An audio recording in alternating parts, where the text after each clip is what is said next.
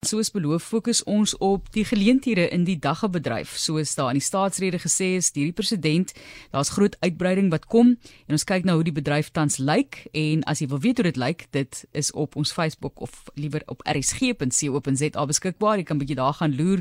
Gabriel Tron gesels met ons. Hy is die hoofuitvoerende beampte van Silo Cybin en gesels met ons oor hierdie geleenthede. Welkom Gabriel. Ah, goeiemiddag. Silo Cybin is reg, nee. Ja. Ja, dat ons net seker maak voordat ons verder gaan.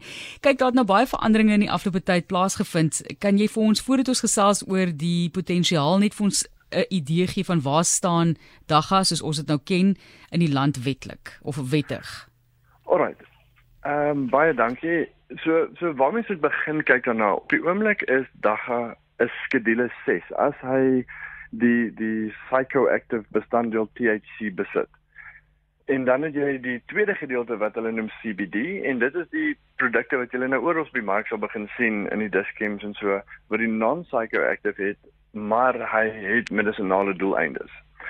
Nou jou grootste probleem in Suid-Afrika op, op die oomblik is mense moet in die cannabis industrie kyk in drie gedeeltes.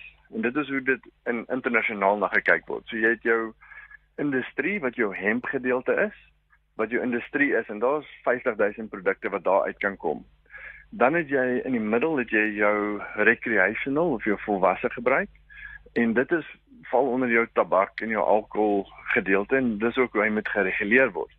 En dan jou derde gedeelte is jou medisinale kant. En op die oomblik eh, fokus Suid-Afrika op die medisinale kant.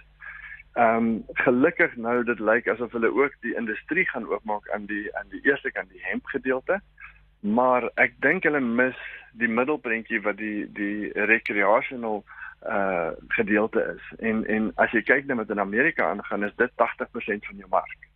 So ek dink as ons as ons regtig die ekonomie wil groei, dan moet hulle hom eers van 'n skedule 6 af heeltemal afvat van 'n skedule.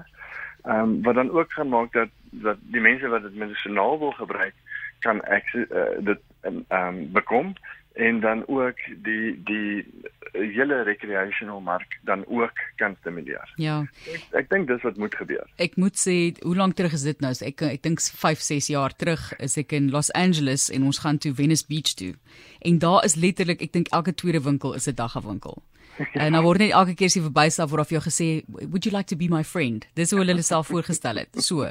Maar dit is op daai stadium toe nou alreeds toegelaat, ehm um, soos wat jy nou noem, dit is 'n groter mark daarso op daai vlak. So gee ons 'n idee van die markpotensiaal tans.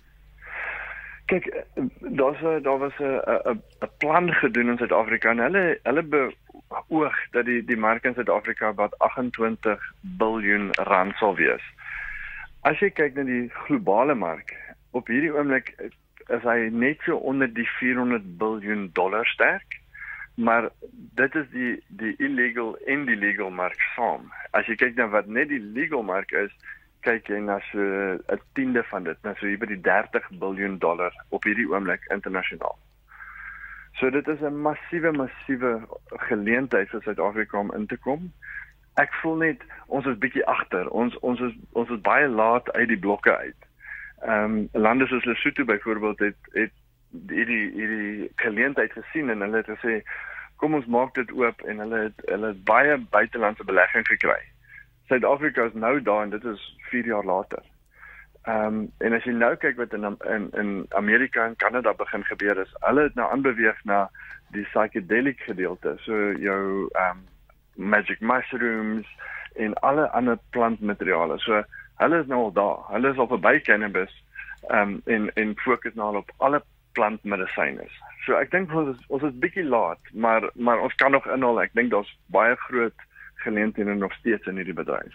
Ja, ek sit nou en wonder of Suid-Afrika weens ons wonderlike landbou-infrastruktuur dalk op so 'n manier kan wen en ek weet nie, jy weet ons dagga kan dalk gekweek word tussen fynbos en ander hier dan gee. Ek weet ek dink nou maar lateraal hierso. Of hoe? Kan, maar maar jou grootste probleem is hulle moet hom van 'n skedule want op die oomblik sien hulle hom as 'n skedule 6 medisyne. So solank as dit as 'n skedule 6 gesien word is hy so gereguleer dat jy kan nie almal intrek in hom nie en, en dit is ek dink een van die grootste probleme in Suid-Afrika is jy jy jy, jy omdat jy net op die medisinale gedeelte fokus, is dit so moeilik vir almal om in hierdie industrie in te kom en en deel te neem. So en ek dink sodra hulle hom kan kan herskeduleer na 'n laer skedule toe, dan gaan jy baie meer mense kan sien wat en en en al jou boere en al die die die die ehm um, rural communities, hulle almal gaan kan deelneem in hierdie waar op die oomblik is hulle almal uitgesluit net omdat dit so moeilik is om in te kom. Kom ons gesels vanuit julle perspektief, Sale Saiben se perspektief. Watter geleende geleenthede is daar vir die mark?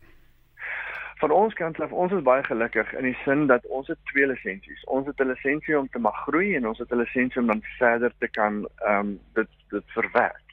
Nou dit dit help ons baie want jou jou groei lisensie laat jou slegs toe om ehm um, die blom te groei en dan te uit te voer. So en jy mag hom in bulk uitvoer. So jy mag hom nie eens verder verwerk in 'n finale produk nie. Ons ander lisensie laat ons toe om nou 'n finale produk te verwerk. Wat beteken ons kan nou produkte op die mark begin sit. Ehm um, ons het aan die CBD kant het ons nou 'n klomp produkte wat ons nou in die Arinelle en self uh, op ons webwerf en so aan beskikbaar het. Ehm um, dis die een kant en dan is daar nou 'n geskeduleerde kant wat nou deur voorskrif ehm um, deur 'n dokter moet voorgeskryf word en dan moet jy SAPRA approval kry en dan mag jy daai produkte gebruik. En daar het ons produkte wat die universiteit ehm um, die Vaal Universiteit van uh, Vaal University of Technology vir ons uitgewerk het. Ehm um, en dit is produkte wat ons baie graag aan aan pasiënte wil begin uitkry. Ons gesels oor geleenthede in die dagabedryf. Gabriel Tron is ons gas en kom ons kyk na die uitdagings natuurlik. Jy het nou reeds verwys na die skedulering daarvan. So ander uitdagings wat uitstaan? Ehm um, ek wil sê dit is jou grootste uitdaging. Die tweede grootste uitdaging is hoe om in dit te kan inkom. Hoe kom jy in hierdie bedryf in? Ehm um, ek dink jou jou wat jy men jou barriers of entry is baie baie hoog ehm um, as gevolg van die koste wat jy moet aangaan op die oomblik om in hierdie bedryf te kan deelneem. So ek sal sê dit is jou tweede grootste ehm um, probleem om in die, hierdie bedryf te kan inkom is, is die kapitaale uitleg wat jy wat jy nodig het om te kan deelneem op hierdie oomblik. Ons gesels verder ook met hom oor wat ons kan doen om belegging in die bedryf te stimuleer. Jy is ook welkom om jou vrae te stel op 45889 is rand 50 per SMS, maar dit is nou natuurlik na aanleiding dis hoekom ons met jou gesels van president Ramaphosa se optimisme oor die geleenthede in die bedryf. Ja, as jy kyk na die beleggingsgeleenthede, ek dink wat ons bietjie gepootjie het was was die regulatoriese um, omgewing as jy kyk wat gebeur het, daar was 'n hele paar van die groot internasionale maatskappye wat wat toe Suid-Afrika gesê het ons gaan nou begin lisensies uitdeel in Suid-Afrika. Het hulle Suid-Afrika toe gekom en baie van hulle het weer terug het besluit om te onttrek as gevolg van die regulatoriese omgewing op daai tyd. So ek is baie bly dat hulle sê hulle gaan dit verander um, en dit makliker maak um vir die vir die in uh, die beleggers om om dan hulle hulle besighede aan die gang te kry.